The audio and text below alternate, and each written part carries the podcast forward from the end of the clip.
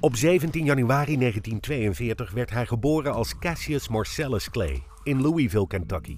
Later zou hij zijn naam veranderen in Muhammad Ali en uitgroeien tot The Greatest of All Time. Een titel die hij te danken had aan zijn prestaties in de ring en daarbuiten.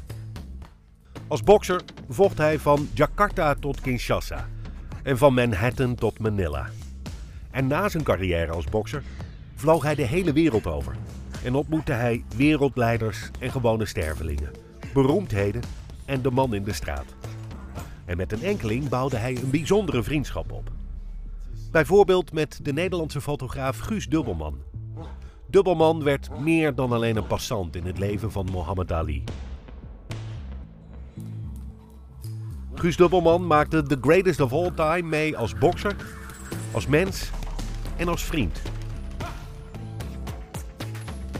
Boksouwe podcast aflevering 13. Een gesprek met Guus Dubbelman.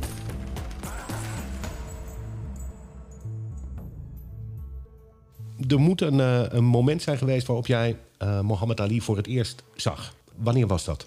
Dat is, uh, als ik mijn eigen geheugen me niet bedriegt, uh, ergens in 66 geweest. toen zag ik het op televisie. Toen wilde ik kijken. Maar mijn vader had een enorme hekel aan geweld. En, dus ik mocht er niet naar kijken. Toen kregen we ook ruzie, volgens mij. Dat kregen we wel vaker over iets wat ik heel graag wilde zien.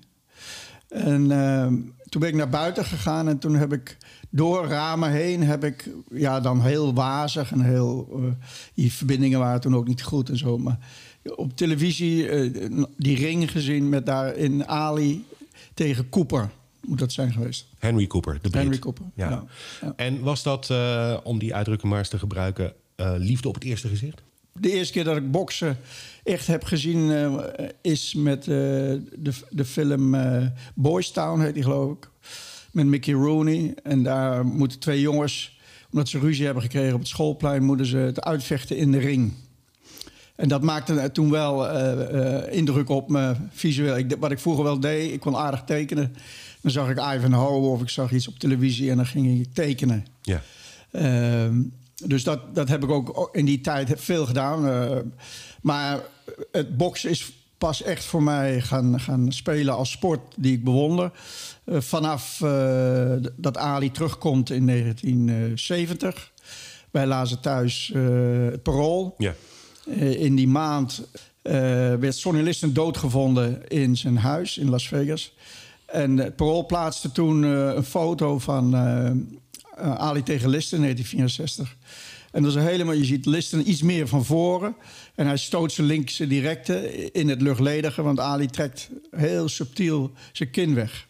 En het is waarschijnlijk de zesde ronde geweest. Want het oog van Listen is al opgezwollen. En ja, hij heeft in die zes ronden dat gevecht heeft geduurd... Ja, ongelooflijk is hij gedemonteerd toen door Ali. Uh, bokstechnisch en... Ja psychologisch. Dus dat was een heel, heel mooie foto. Die heb ik toen uitgeknipt, uh, ingeplakt en zelfs een mooi plastic dingetje overheen gedaan. Om het, Ja. Want krantenfoto's zijn natuurlijk niet echt uh, goed. Dus de, de, de interesse uh, voor boksen en de interesse in Mohammed Ali, dat ging eigenlijk gelijk op. Ja, ja. in, die, in die tijd, toen hij terugkwam, had je ook Live Magazine. Die heeft een mooi artikel aan gewijd. Met foto's van Gordon Parks. Ja, dat wist ik toen allemaal niet. Maar later is Gordon Parks, dat is even de grote uh, ook een van de weinige zwarte Amerikaanse fotografen. Uh, hij heeft de film Chef ooit gemaakt. Uh, en A Great Day in Harlem heeft hij ook gemaakt. Hè? Die ja, foto heeft, ja, van die jazzmuzikant. Ja, ja hij, is, hij is echt een uh, visueel uh, wonder ook geweest in de Amerikaanse fotojournalistiek. Uh, hij heeft toen de opdracht gekregen van Live Magazine om Ali zijn comeback, de trainingen en zo. En een prachtige serie foto's. De cover die heb ik thuis ook nog ergens hangen. Uh, zie je Ali uh, met uh, rode handschoenen in de zij, een beetje een, een groene gloed om hem heen. in de Fifth Street Gym van Miami. De belangrijkste tekst op die cover is He's Back. Oké. Okay. Ja, en dat, hij kijkt zo heel brutaal. De, Ja. de, de, ja, dat is. Dat, ik wist natuurlijk in die tijd allemaal niet wat dat inhield. Maar ja, ik was, laten we zeggen, zowel visueel als de man. Binnenin was het allemaal zwart-wit fotografie. Prachtig. Wat vond je zo fascinerend aan de figuur en de bokser Ali? ik ben natuurlijk uh, sowieso een jongetje van de visuele cultuur. Omdat in mijn tijd dat ik opgroeide, heb je natuurlijk de, de jaren 60 gehad, de televisie, films. Uh, ik, ik, um, ik, heb de, geloof de West Side Story wel, wel zes of zeven keer gezien in de bios. Gewoon puur om de, de dans, de, de, de, de hele sfeer in de film. En ja, al gauw uh, vermengt die bewondering en, en uh, het bestuderen van de persoon Ali zich met uh, zwarte cultuur. Ja. En die combinatie ja, maakt dat ik ja, me, eigenlijk mijn hele leven daarmee bezig ben ja.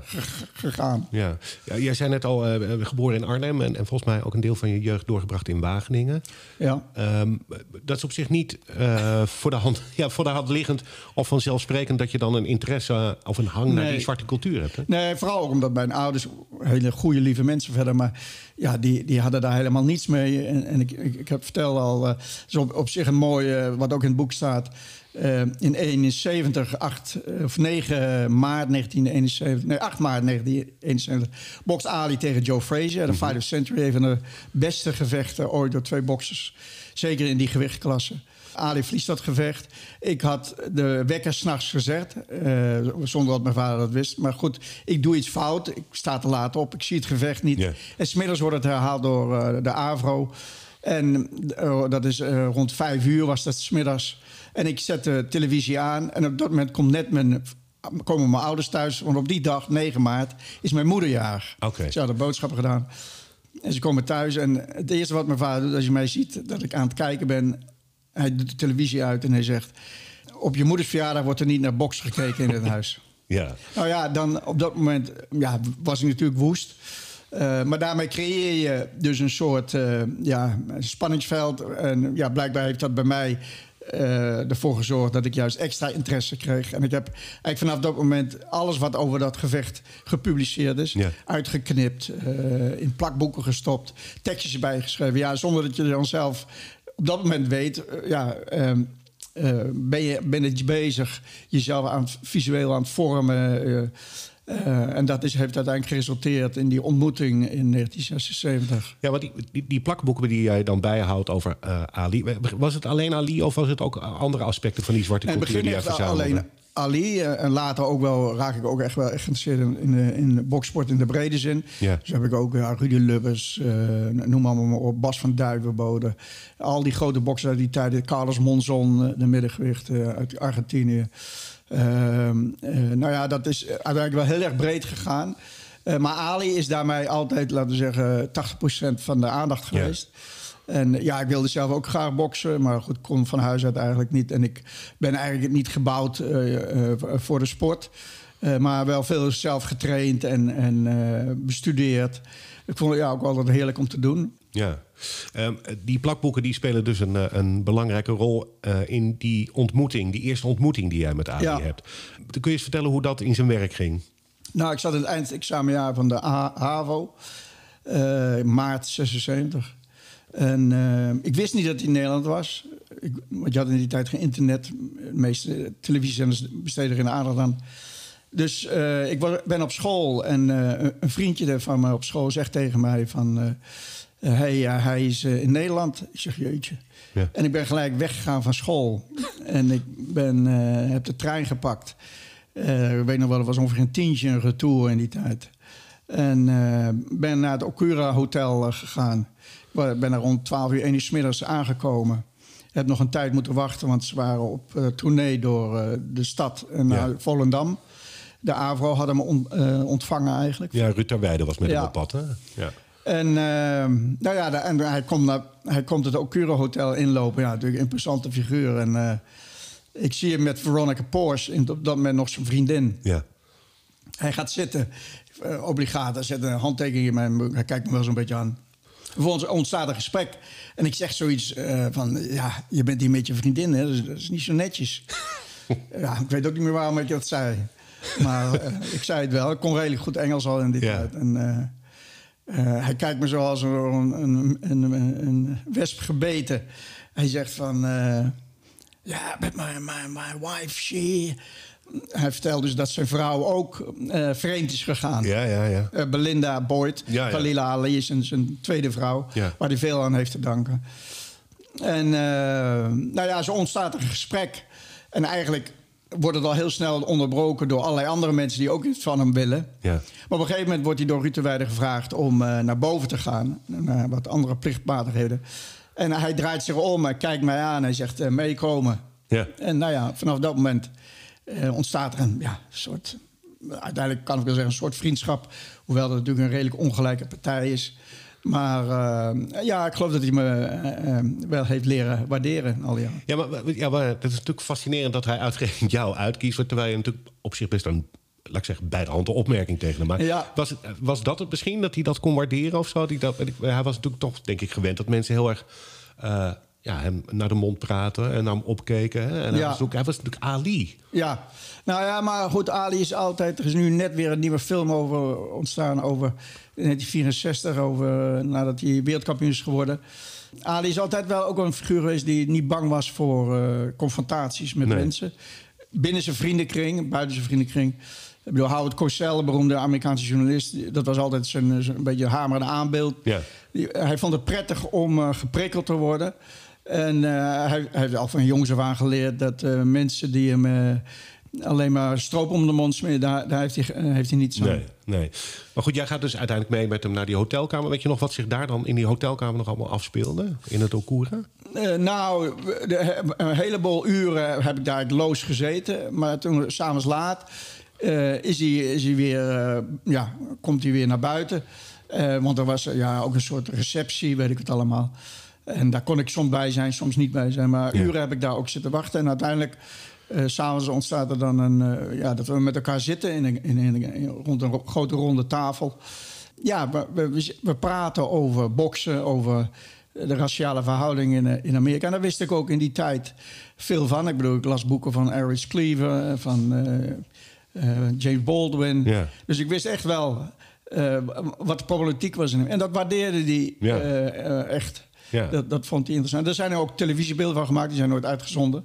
Uh, en er zijn gelukkig toen wel ook nog twee foto's gemaakt door Hans Heus, uh, sportfotograaf in die tijd in Nederland. En uh, ja, die foto's die wilde ik natuurlijk hebben. Ja. toen ben ik bij Hans thuis geweest. Hij woonde in Alphen. En toen zag ik voor het eerst het fotografisch procedé. Ik had dus thuis al duizenden foto's, maar ik wist helemaal niet hoe die foto's ontstonden. Nee.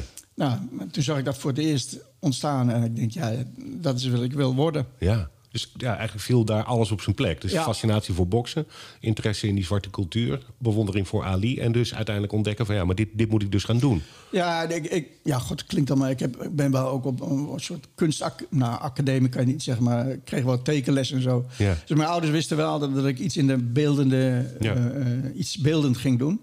En fotografie is natuurlijk heel snel, nu nog sneller als in die tijd. Maar, en uh, ja, tekenen, dat, dat gaat helemaal naar. Ben je met, met jezelf bezig. Ja. En, en fotografie is met anderen bezig zijn. En dat, ja, dat is ook meer mijn karakter. Ja, um, ja de, eigenlijk heeft die ontmoeting daar in dat Okura Hotel geleid tot een, tot een vriendschap tussen jullie twee. Ja, nou ja, goed, nogmaals. Mijn vader zei dat een vriendschap is iets wat wederkerig is. Ja, ja, ja.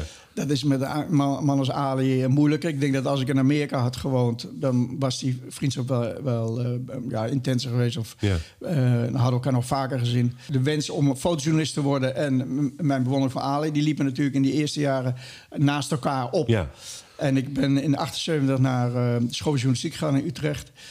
Toen bokste Ali voor de wereldtitel in september tegen Leon Spinks. Toen heb ik tegen de krant, eh, ze maakten een schoolkrant, dat heette Cipetaya. En ik zei tegen de, de hoofdredacteur, dat is allemaal heel officieel, van mag ik dat voor jullie maken? Vooral qua tekst en ja, wat ik als fotografie kan doen, dat, dat moest je maar afwachten. Nou ja, ik ben er naartoe gegaan. Een hele interessante reis geweest. En uh, ja, uh, bij de, het gevecht zelf werd ik op 100 meter gezet. Ik had er 200 mm bij, dus daar kon ik niks maken. Nee. Daaromheen een paar hele aardige foto's. Maar de beste foto's heb ik eigenlijk gemaakt in Chicago. Ja. Uh, ik had toen een Airpass. Je kon toen voor 300 dollar kon je heel Amerika doorvliegen. Ik weet wel dat ik van New Orleans naar Chicago in een 747 heb gezeten. Ik denk dat er 40 mensen in dat ding zaten. Yeah. Ik kwam er s'nachts aan in Chicago de ouders van Howard Bingham, de, de, de, de ouders van uh, de fotograaf van Ali. Die uh, hadden hem nog gewaarschuwd voor Chicago. Maar goed, ik vond het ook allemaal heel erg interessant. En ik kom daar s'nachts aan, een taxichauffeur, die heeft me daar nog een beetje rondgereden. Dat was werkelijk niet te geloven wat je daar dan zag. Ja. Eh, de volgende dag ben ik gaan, eh, had ik een hotel aan Lake Michigan. Om ongeveer een, eh, een uurtje lopen van Ali's huis. Ja. En ik ben gaan lopen. Het was prachtig weer. En eh, eerst nog een golfcourse overlopen. Toen ben ik een, een underpass. En, en alleen maar zwarte mensen. En die keken ook echt naar mij zo van... wat doet die man hier? Ik ben gaan onder, ontbijten. En eh, ik zat aan het tafeltje en er komt een zwarte meneer naar me toe en zegt... meneer, u kan hier beter niet zo blijven lopen. Je moet echt een taxi nemen. En het was nou, half tien, tien uur s ochtends. Ja. Dus nou goed, uiteindelijk bij Ali's huis geweest. Heb ik twee dagen gezeten, één avond meegegeten. Ja, het is eigenlijk niet te geloven Ja. dat het allemaal kon en dat hij dat toeliet en dat ik foto's kon maken. Een paar hele mooie dingen gemaakt. Ja. En, eh, maar maar nou toen, ja. jij, toen jij daar... eh, dus je- dat, ge- dat gevecht tegen Spinks was in New Orleans. Ja. En dat was, was dat Ali Spinks 1 of 2? Twee. Twee, dus dat won hij. Dus Ja. won hij de titel weer terug. Ja. Voor de derde keer. Nou ja, dat- ja, voor de derde keer. En het was allemaal... God, je zag dat de man niets meer had, eh, Nee. fysiek. Eh, maar je kon ook heel goed aan hem zien, wat natuurlijk veel atleten hebben. Ja, wat, wat gebeurt er nadien? Ja. En eh, het is vermoedelijk al dat hij sinds 76 voelde dat zijn lichaam onder hem weg aan het zakken was. Eh, Ja. je ziet ook echt aan zijn motoriek dat hij aan het veranderen is. Ja. Vermoedelijk als het de boksport de oorzaak is geweest van zijn ziekte... is dat gebeurd in het derde gevecht tegen Fraser. Zijn, zijn hele zijn in Chicago toen... dat voelde ik heel erg van... je, je voelde echt dat hij in een soort depressie raakte. Ja. Eh, aan zijn hele gezicht. eh, en eh, ja, waarschijnlijk is in het derde gevecht Fraser is hij zijn lichaam beschadigd, zijn Ja. hoofd beschadigd, als dat de oorzaak is geweest. Ja. Nogmaals, ik, ik geloof dat dat echt een poging tot doodslag is geweest, die, die, dat derde gevecht in, in Manila. Ja. En als dat nu met een moderne techniek was gefilmd, Ja. Je zou echt schrikken van de klappen die ze elkaar daar hebben. Ja, ehm, de thriller in Manila is natuurlijk... ehm, ik geloof dat die Mark Cram is een... eh, Ja. en die heeft ooit over dat gevecht geschreven. Heel mooi boek. Ja, eh, Ghosts of Manila van eh, Ali went to Manila as an is and he came, he came back as a was. Ja. Dus en zowel hij als Fraser hebben er natuurlijk iets in die ring achtergelaten wat je wat wat het je ja wat dat gaat je ver- ver- verbeelding eigenlijk te boven. Hè? Dat, ze zijn daar verder gegaan dan dan ja, Een sportieve gevecht. ja. Ja, en dat niet alleen, maar ze zijn natuurlijk, eh, ja, ze hebben allebei letterlijk de dood in de ogen gekeken ja, daar. Ja, ja Fraser, Fraser was, en daar had hij op zich wel gelijk. Ali is te ver gegaan in het pijnigen, het, geestelijk pijnigen van, van, van Fraser.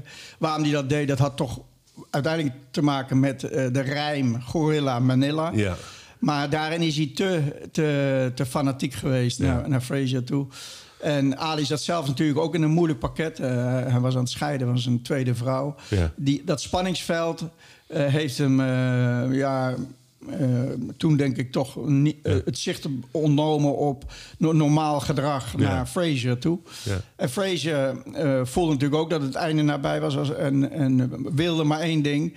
Ali pijnigen voor de pijn ja, Ja.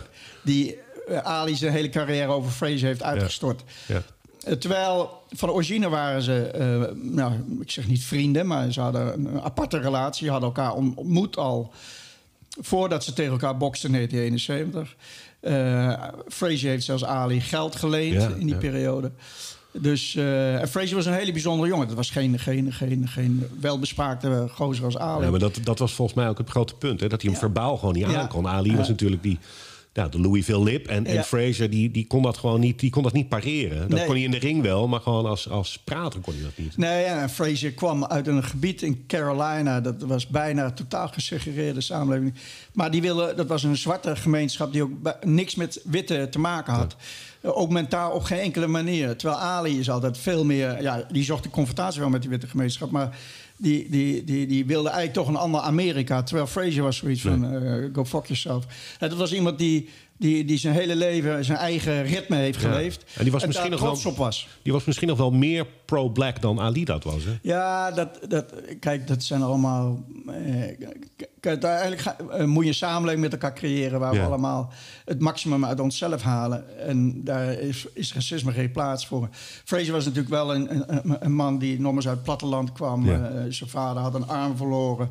Een hele bijzondere verhalen. Dat is bijna met al die gasten zo. Uh, in een hele bijzondere tijdsgewicht van de Verenigde Staten. de jaren 60 is natuurlijk voor iedereen een enorme test geweest... van, van ja, wat is Amerika eigenlijk? Wat willen we met dat land? Uh, ja, dat is nog steeds zo. Maar in, in die tijd op een hele bijzondere manier. Ja. En Ali staat, stond aan de ene kant, Fraser ogenschijnlijk aan de andere kant. Uh, en, ja, Ali probeerde daar gebruik van te maken. Ja. Uh, het mooie was ook dat ze eigenlijk fysiek, hoewel ze totaal verschillend waren in, in opbouw, ongeveer gelijk waren, ongeveer hetzelfde gewicht. Ja. maar totale andere mensen. Fraser was zo verschrikkelijk sterk. Ja. En Ali kon daar eigenlijk. Ali's stijl, zijn hele leven is geweest van... ik ben zo goed, uiteindelijk gaat die tegenstander ten onder aan mijn kwaliteit. Ja. Maar Frazier dacht, eh, wat nou, jij bent zo goed. Die, eh, die ging er gewoon dwars doorheen. Ja. Ja, ongelofelijke bokser, hè, die Jim ja. Ja. Um, toch heel even terug naar dat, dat moment in 1978. Ga je dus naar Amerika toe om dat, dat gevecht tegen Spinks te verslaan. En dan ga je naar Chicago toe en dan ontmoet je Ali weer. Uh, herkende hij jou toen of niet? Nou ja, kijk, uh, hij had me al heel even in, in New Orleans gezien. Maar goed, ja. dan is hij helemaal omringd door ja. zoveel mensen. Uh, ja, dat is een, om dat mee te maken, zo'n wereldtitel in het zwaargewicht... dat is een, ja, een, feest van mensen op zich al. Dat is een soort carnaval. Uh, ja. Ehm, Zeker in New Orleans, kan ik me voorstellen. ja, dat was echt een weergeloze ervaring. maar goed, als, als Europese journalist of fotograaf ben je dan eigenlijk een en uh, nobody. Dus je, je, moet je een beetje tussenin bewegen. Ik weet dat ik, een, dat ik een lift instapte en er stond Isaac Hayes tegenover me. En uh, god, hoe heet het allemaal? Die, die acteur die in Apocalypse Now speelt. Dennis Hopper. Dennis Hopper. Dus een heel, heel bijzondere ervaring. En in ja, Chicago, daar had hij, hebben we heel even voor het eerst even staan praten. Toen vroeg hij aan me van eh, wat ik nou van Amerika vond en zo. Ja, ja dat was uh, ja, uniek. Maar goed, hij is natuurlijk voortdurend bezig met mensen. Ja. En daar moet je een beetje tussendoor bewegen. En ik ben fotograaf, dus je, je moet ook weer niet te veel praten... want dan kan je niet fotograferen. Nee, nee, nee. De eerste keer dat je hem dan in Amerika ontmoet... en je zei net zelf al, dan, dan, dan is hij al uh, toch wel steeds nadrukkelijker... in de herfst van zijn carrière aan het belanden. Had hij het daarover? Was hij zich daarvan bewust? Nou, hij was zich van bewust. Hij praatte daar niet over. Nee. En, uh, maar je kon het heel goed zien aan, zijn, aan zijn, hoe hij aan tafel zat, hoe hij door het huis bewoog. Hoe die, ja, in principe was dit zijn laatste gevecht. Ja. Uh, en dat had het ook op, ja, hij had al veel eerder moeten stoppen, maar uh, daarna heeft hij nog twee keer gebokst en dat zijn dramatisch slechte wedstrijden geweest. Ja. Tegen Holmes in 1980 was zo'n deceptie. Dat mag een, een, atleet van zijn formaat niet overkomen. Maar hoe, hoe vond jij dat zelf om te zien? Want het was toch de man die jij bewonderde. Nou ja, kijk, eh, kijk Ali heeft een leven geleefd eh, wat zo ongelooflijk intens is geweest. Eh, zo, zo, hij heeft drie, vier levens geleefd.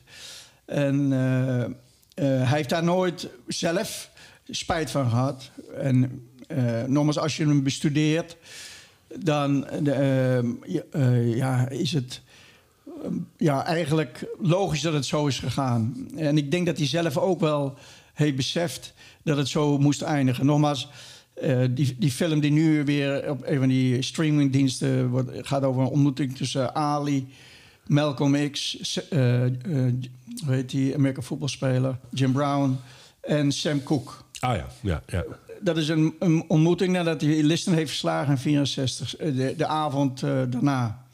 En uh, die twee van die mannen zijn vermoord. Ja. Uh, en ik weet niet hoeveel mensen, hoeveel mensen ik ken die vermoord zijn. Niet één. Die, die close bij mij is. Hè? Dus, nee. dus Ali heeft van jongs af aan geweten dat het wel eens heel na kon aflopen met hem. En ik heb altijd het idee dat hij dat mee, met zich mee heeft gedaan. En dat hij dacht van, nou ja, wat er ook gebeurt, ik doe het zoals ik het doe. Het zal geen uh, perfect eh, plaatje zijn.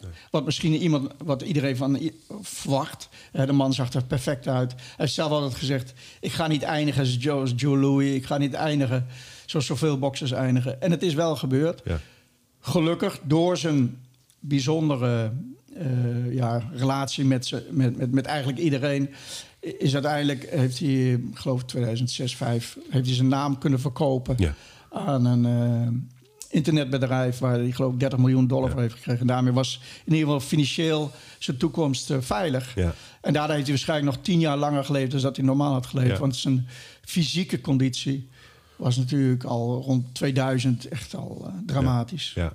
Ehm, eigenlijk op het moment dat die carrière van hem voorbij is, ga jij, zie je hem nog vaker. Hè? Dan ga je wat vaker nog naar, naar hem toe. Ik heb hem eh, in ene, kijken, goed, nou, nou, 81 natuurlijk zijn laatste gevecht in Ja. Bahamas heb ik gedaan. Dat was vooral uit frustratie over mijn gevecht. Eh, ja, in 1980 moest ik het gevecht tegen Holmes met een 800 mm doen. Dat is een technisch verhaal, maar dat is heel frustrerend als je Ja. dat moet doen. Dus ik moest, ja, ik hoorde dat hij weer ging boksen.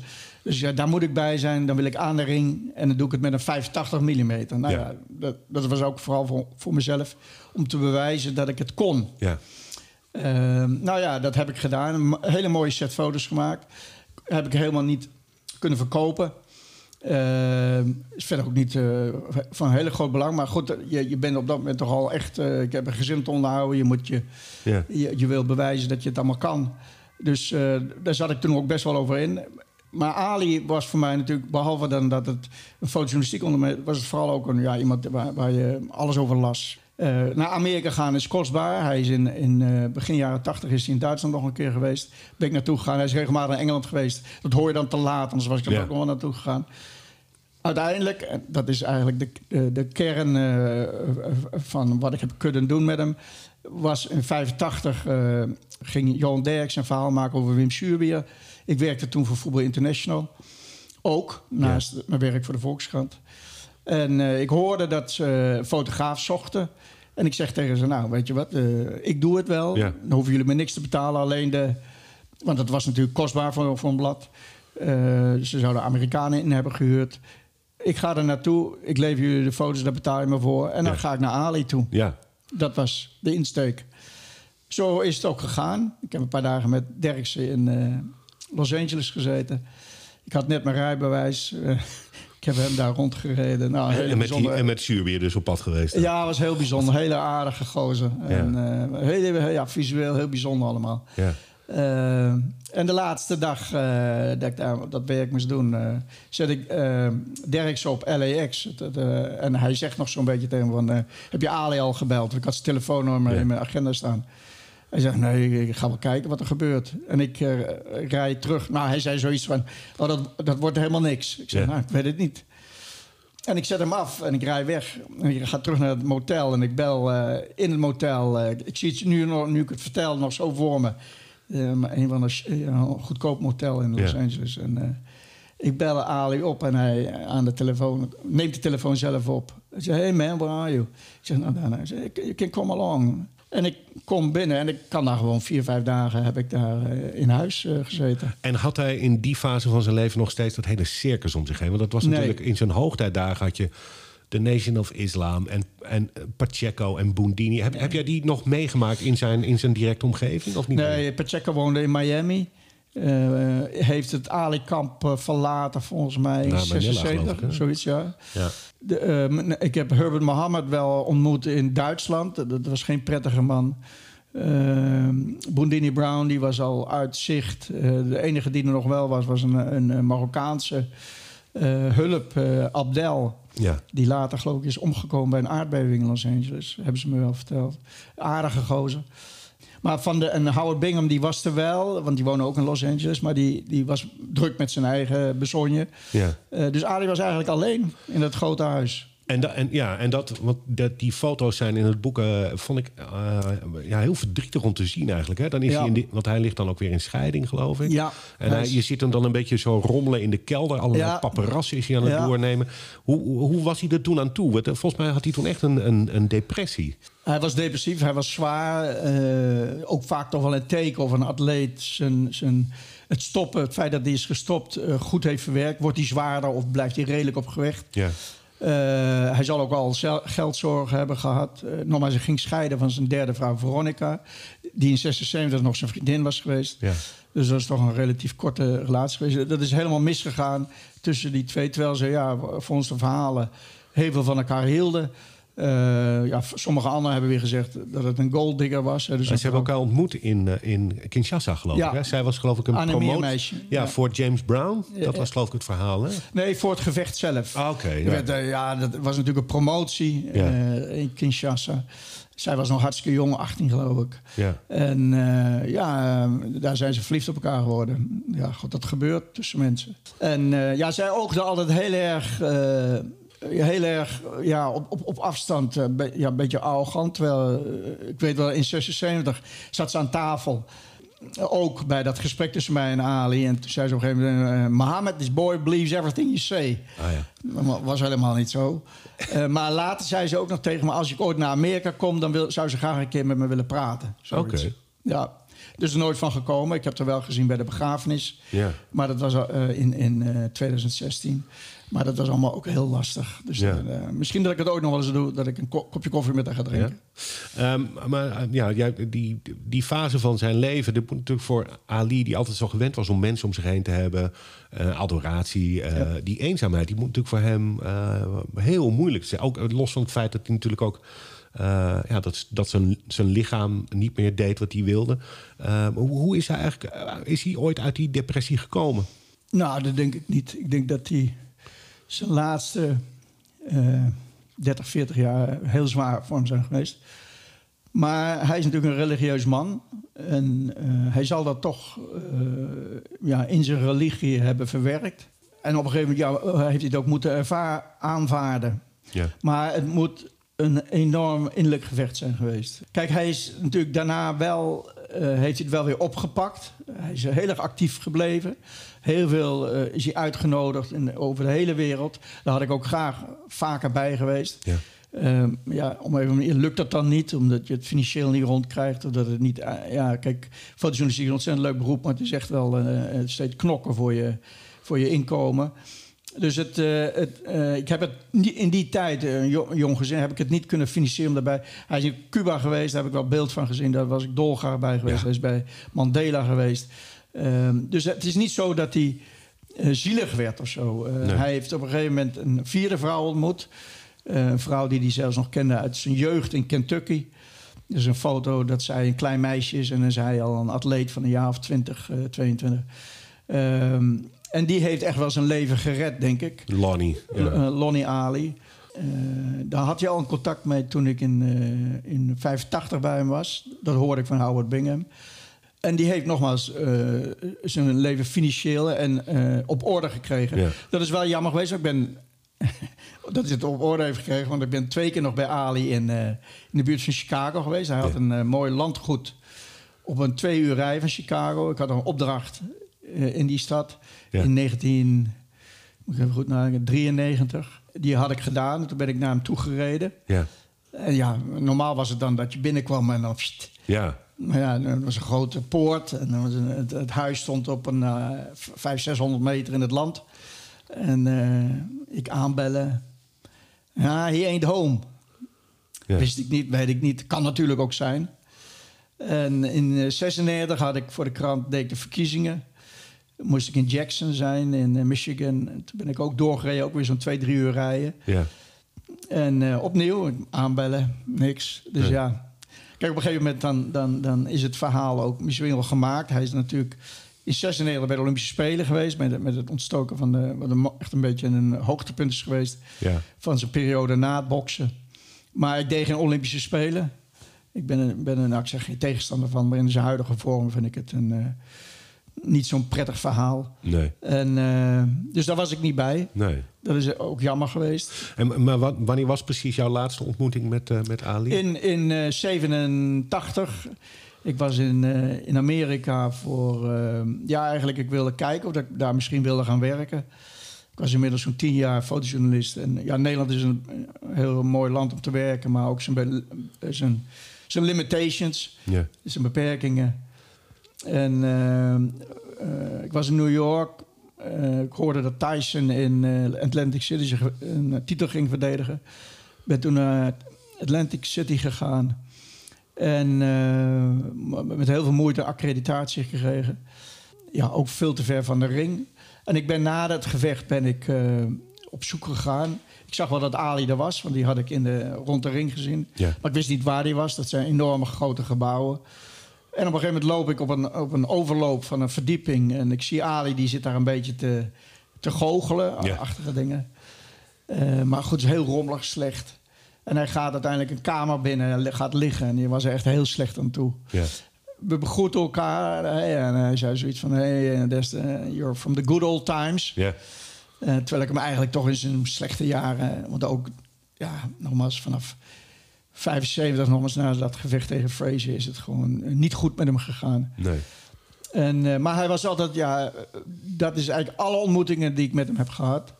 Ongelooflijk vriendelijke man die, ja, heel erg, ja, menselijk, heel erg menselijk. Ja. Altijd bezig met zijn omgeving, altijd, hij had die energie van mensen nodig. Ja.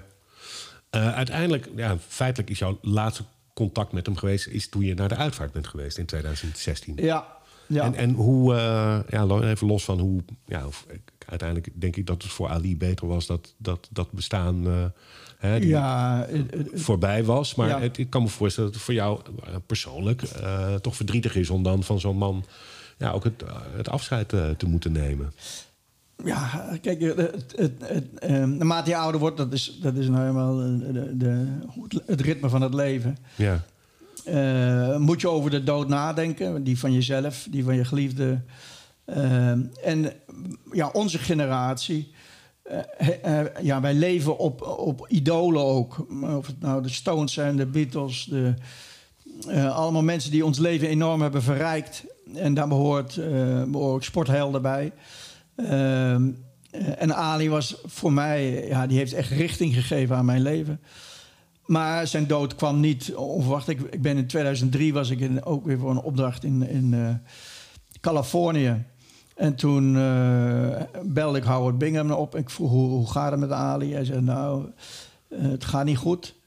Maar hij leeft nog wel een tijd. ja, Dat, dat was zijn verwachting. Ik had gehoopt dat ik...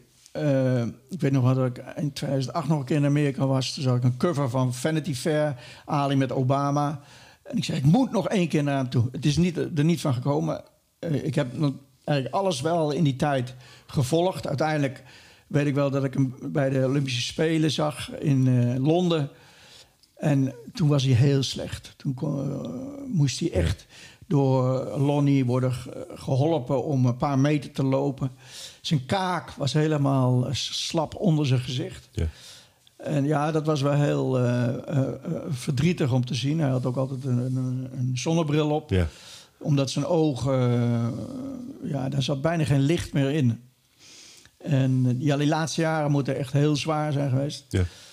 Fysiek, geestelijk. En ehm, dus ja, dan hou je er eigenlijk wel rekening mee dat je het telefoontje krijgt. Nou, dat kreeg ik ook van mijn schoonzoon, de, de vriend van mijn eh, oudste dochter. Die belde me meteen op, op zaterdagochtend, was het volgens Ja. mij. En ehm, ja, dan is het slikken.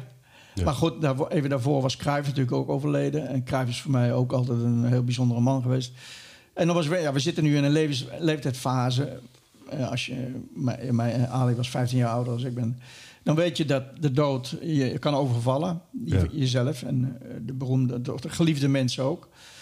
En eh, nou ja, dan, dan, de, nogmaals, dat is een de open deur. Maar het, het, het, het is eh, verdrietig. Maar ook, je moet het ook weer niet eh, dra- dramatiseren. Nee. Het, het, is, het is het gevolg van het leven wat hij heeft geleefd. ja. En daar mag hij trots op zijn. Nou ja, en wat jij terecht ook wel zei, is dat hij eigenlijk vier levens heeft geleid. Hè? En ik geloof dat hij 71 of 74 was toen hij overleed. 74. 74, nou ja, dat, 42. dan, moet je het, dan moet je de factor 5 op loslaten misschien wel. Hè? In- Minimaal. In, in Ali-levens. Ja, ja, ja. Nogmaals, hij vanaf zijn twaalfde als een krankzinnige gebokst. Hij heeft 108 amateurpartijen. Iedereen die wel eens heeft gebokst, op welk niveau nou ook, dat, dat is een- zo'n zware sport. Ja. En dat heeft hij met zoveel gemak en schoonheid gedaan. Eh, van die 108 partijen heeft hij er maar acht verloren. Tegen door echt zware, sterke jongens. Als prof was hij de eerste jaren ongenaakbaar. Ik denk dat de, Ali, de beste Ali hebben we nooit gezien. Want eh, dat had vanaf zijn 26, 27, toen moest hij eigenlijk al stoppen. Het gemak waarmee die al die jongens versloeg. Kijk, je kan zelfs ook nadat hij terugkwam in, in, in ja, mensen zoals Jerry Core, George Chavella... als je die tegen andere boxers ziet boksen... dat zijn zware, modderige partijen. En Ali gaat er boem, boem, die gaat er omheen, kets, kets. Goed, uiteindelijk zie je de fysiologische ontwikkeling... dat ze tegenstanders niet alleen uh, beter, maar ook groter worden. Hè? Je ziet Ken Norton en, en Foreman, dat waren mannen die groter waren. Langer, Shave, brede, sterker. Ernie Shavers. Ernie Shavers. Ja. Dat was wel een hele langzame jongen die enorm knock-out percentage, maar ook vaak zelf heel verrassend van Jerry Corey verloor die geloof ik de eerste twee ronden. Ja. Uh, dus dat was een hele aparte gozer. Uh, er is een hele mooie DVD over Ali waarin zijn voormalige opponenten over Ali praten. Die Facing Ali, hè? Ja, die is mooi. Ja, hele mooie gesprekken. En zo'n Shavers, dat is een heel donkere figuur. Uh, hele, hij vertelde ook ja, of hij was bokser geworden of huurmoordenaar, zoiets. Ja. dus dat, uh, die, die, in die krochten van de Amerikaanse samenleving, daar ontstaan mensen die, die zowel fysiek als geestelijk zo uh, ja, sterk en ook beschadigd zijn. Ja. Uh, vooral in de, vanaf de jaren 60 door die drugswereld. Daar gebeuren dingen die wij, ja, dat kan je nauwelijks bevatten. Ja. Nou, ik denk dat dat ook wel, als je het hebt over de fysieke toestand van Ali, is, heeft natuurlijk meegespeeld dat hij uh, richting het einde toe nog heel veel van dat soort powerpunchers tegenkwam. Hè. Dus Shavers was vrij laat in zijn carrière. Nou ja, Norton, ja, dit was al iets eerder. Maar dat je ook nog in... En Burbick was natuurlijk ook wel een, een, een slugger. Dat, dat hij niet uh, toen nog uh, ja, types als Chuvalo of dat soort tegenstanders... Hè, die, die, uh, die iets waar die, waar die nog een beetje van weg kon komen, zeg maar. Nou ja, goed, dat is als, als, als het boksen de oorzaak is geweest... dan is het de lengte van zijn carrière. Want ja. hij is op zijn twaalfde begonnen en hij is geëindigd toen hij 37 was. Dan heeft hij twee jaar een pauze gehad. In de eerste jaren is hij heel weinig geraakt. Uh, uh, ongelooflijk weinig. Als, uh, ook weinig zware stoten gehad. In die laatste jaren heeft hij wel veel zware stoten. Ook vanaf die, dat hij die tactiek rope dope dat hij ja, echt voor tegenstanders ging staan. Een beuk maar. Ja. Maar van, daarvan is ook een heel groot deel naar het lichaam gegaan. dat mag dan in principe geen invloed hebben op je hersenen. Maar ik denk dat uh, dat gevecht Fraser, uh, wat niet alleen sowieso heel zwaar was geweest, maar dat ook de condities waaronder dat gevecht. Ja. Dat heeft Pacheco ook gezegd. In die ring was het iets van 50 graden. Uh, dus ja, het was eigenlijk fysiek niet mogelijk nee. wat ze daar deden. Maar door ja, Ali, doordat hij ja, en heel erg slim was in de ring. De paar ronden heeft hij eigenlijk alleen maar zichzelf uh, opgesloten, uh, klappen geïncasseerd. En vanaf pas de, de tiende, elfde ronde is hij weer echt terug gaan slaan. En dan ook met een intensiteit die je eigenlijk van Ali in zijn hele carrière niet hebt gezien. Uh, en op een of andere manier bleef Frazier staan. En gelukkig heeft Fudge, de trainer van Fraser, toen op een gegeven moment gezegd: het is mooi geweest. Ja, maar anders was misschien Ali wel gestopt, hè? Dat had, nou ja, uh... of, of Fraser was doodgeslagen. Ja. De, de, de, de, klappen die, die Fraser kreeg, die laatste drie ronden. Dat is echt gruwelijk om te zien. Ja, je ziet op een gegeven moment ook zijn bitje uit zijn mond vliegen. Hè? Kon hij ook niet meer in zijn mond houden. Ja, maar het waren echt, echt, echt, echt. Uh, kijk, Ali is altijd een stoter geweest die vanuit een soort souplesse. Ja. Maar vanaf dat moment zie je dat hij echt alleen maar deed van: ik, ik wil je zo hard mogelijk raken. Ja. Het krankzinnige gevecht. Is, dat, is dat ook wat jou betreft het, het, mooiste gevecht van Ali? Nou, ja, dat zou, dat zou, nee. Ja, kijk. Ja, is natuurlijk denk ik een verschil bij jou uh, tussen de gevechten waar je bij bent geweest en de gevechten die je op televisie hebt gezien. Ja, kijk, kijk alles na, na, na Frazier 3 uh, uh, moet je niet meer serieus nemen. Ali nee. heeft niets meer op knockout gewonnen volgens mij. Misschien nog tegen, tegen weet je, die Belg, Koopmans. Ja, Koopmans, maar dat was ook een farce Misschien Richard Dunn was dat ervoor, ik weet niet meer. Maar uh, dat was... Het was niet meer om aan te zien, Ali, die laatste gevechten. Ook tegen uh, uh, Shavers, Ron Lyle. het, het, het, Kijk, tegen Frazier heeft hij nog één keer alles eruit gehaald. Dat was ja. door het karakter van het gevecht. een heel interessant gevecht. Maar wetende wat daar met beide mannen is gebeurd... Uh, kan je dat haast niet als mooiste gevecht. Het mooiste gevecht is misschien toch wel Ali uh, Frazier 1 geweest. Ja. Alleen daarvan is weer de tragiek. Dat had Ali op dat moment niet moeten accepteren. Dat had hij, hij had nog een half jaar ja, hij was door net, moeten trainen. net terug van zijn, van ja. zijn verbanning. Hè? Ja, ja, en ook tegen Oscar Bonavena, het gevecht wat Ali vocht tegen voor Frazier... kreeg hij ook één of twee keer hele zware hoeken. Waar hij eigenlijk op blijft staan. We wisten eigenlijk niet tot dan of dat Ali echt kon incasseren. Maar het bleek dus dat Ali heel goed kon incasseren. je hebt eigenlijk twee boxers. Hè? Je hebt hem voor zijn verbanning, uh, was hij die lichtvoetige danser. En daarna uh, bleek dus dat hij ook kon incasseren. En dan is hij een uh, totaal, totaal andere... En de Rumble in the Jungle, ja, dat wordt altijd de mater dingen een soort van hè, bij Ali dat gevecht wat ik heel veel ja, heb bestudeerd. Ja, dat, klinkt, dat, daar kan je gelukkig nu videotapes van, kijken. Nog een keer nog. En eigenlijk moet je gevechten. Uh, om ze goed te kunnen analyseren, meerdere keren zien om te zien wat er nou werkelijk gebeurt. En in dat gevecht, dat is wel briljant geweest van hem. Uh, kijk, als je uh, Foreman bestudeert, dat was echt zo'n grote, sterke gozer. Ja die zo verschrikkelijk hard sloeg en zo wild sloeg. Dat was ook wel zijn zwakte. Maar als eens de stoot doorkwam... Ja, de meeste tegenstanders... Ken Norton, die werd in twee ronden weggeslagen. Die kreeg zo'n stoot en je ziet gewoon angst bij hem in zijn hoofd van... Hier moet ik van weg. Hier, hier, hier wil ik niet. Die, ik wil hier van deze man geen klappen krijgen als ik zes ronden laat. Dus die, het lijkt wel of dat hij zijn, zijn defensie opent. Van kom nu maar, dan ben ik er vanaf. Ali had Foreman zo ongelooflijk knap geanalyseerd. Uh, en ook zich fysiek zo goed voorbereid. En hij had zijn lichaam echt tot een panzer gemaakt. Dat uh, hij, hij, hij, hij incasseerde die klap voor, vooral veel op het lichaam. Ik denk 80, 90% op het lichaam. Maar zelfs die klappen waren voor de meeste tegenstanders zo zwaar... dat ze in paniek raakten, als het ware. En dan kwam de opening naar boven en dan was het gebeurd. Die klappen op zijn lichaam je, als je naar de beelden kijkt, zie je heel goed dat hij hele naar Vormen blijft kijken. En op het moment dat Vormen denkt, en nou ga ik er doorheen, komt Ali er doorheen en slaat hij Vormen uit zijn ritme. Ja. En die klappen waren bijna allemaal to the point. Eh, want Vormen had na het gevecht zijn hele linkerkant van zijn gelaat was opgezwollen. Ja. Wat Vormen uh, ook tegen zware tegenstander nooit is overkomen. Dus het, uh, kijk, Ali was geen hele zware knockout, maar het was een ongelooflijk zuivere stoter. En briljant in zijn fysieke uh, ja, methodieken. ja. En dat heeft hij allemaal zelf. Uh, nogmaals, het kan zijn dat er iets met die touwen toen is gebeurd. Maar die touwen die waren wel heel erg slap. Als je in alle andere gevechten in, in, Amerika ziet, dan zit die touw in de nek. Ja. Dus dan kan je niet zo ver naar, naar, naar achteren. Maar goed, hoe dan ook, als je tegen een, voor, een stoot als voorman komt en je laat hem, al is het maar een paar seconden, op je inrammen. En je kan dat verwerken, fysiek en je houdt overzicht, zodat je weet op het moment dat hij naar je hoofd toe komt, dat je dan of weg bent, of je, stoot, je zorgt dat hij, dus dat hij uit dat stootritme komt. Dan, ben je, dan kan je al iets wat bijna geen enkele bokser kan.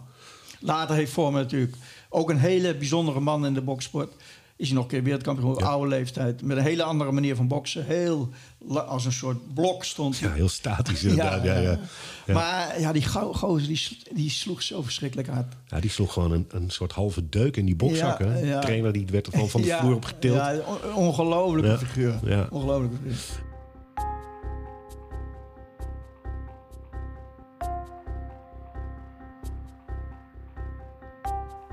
Tot zover deel 1 van mijn gesprek met fotograaf Guus Dubbelman over zijn bijzondere vriendschap met Mohammed Ali. In deel 2 praten we over wat nou precies de fysieke aftakeling van Ali heeft veroorzaakt en over boksen en fotografie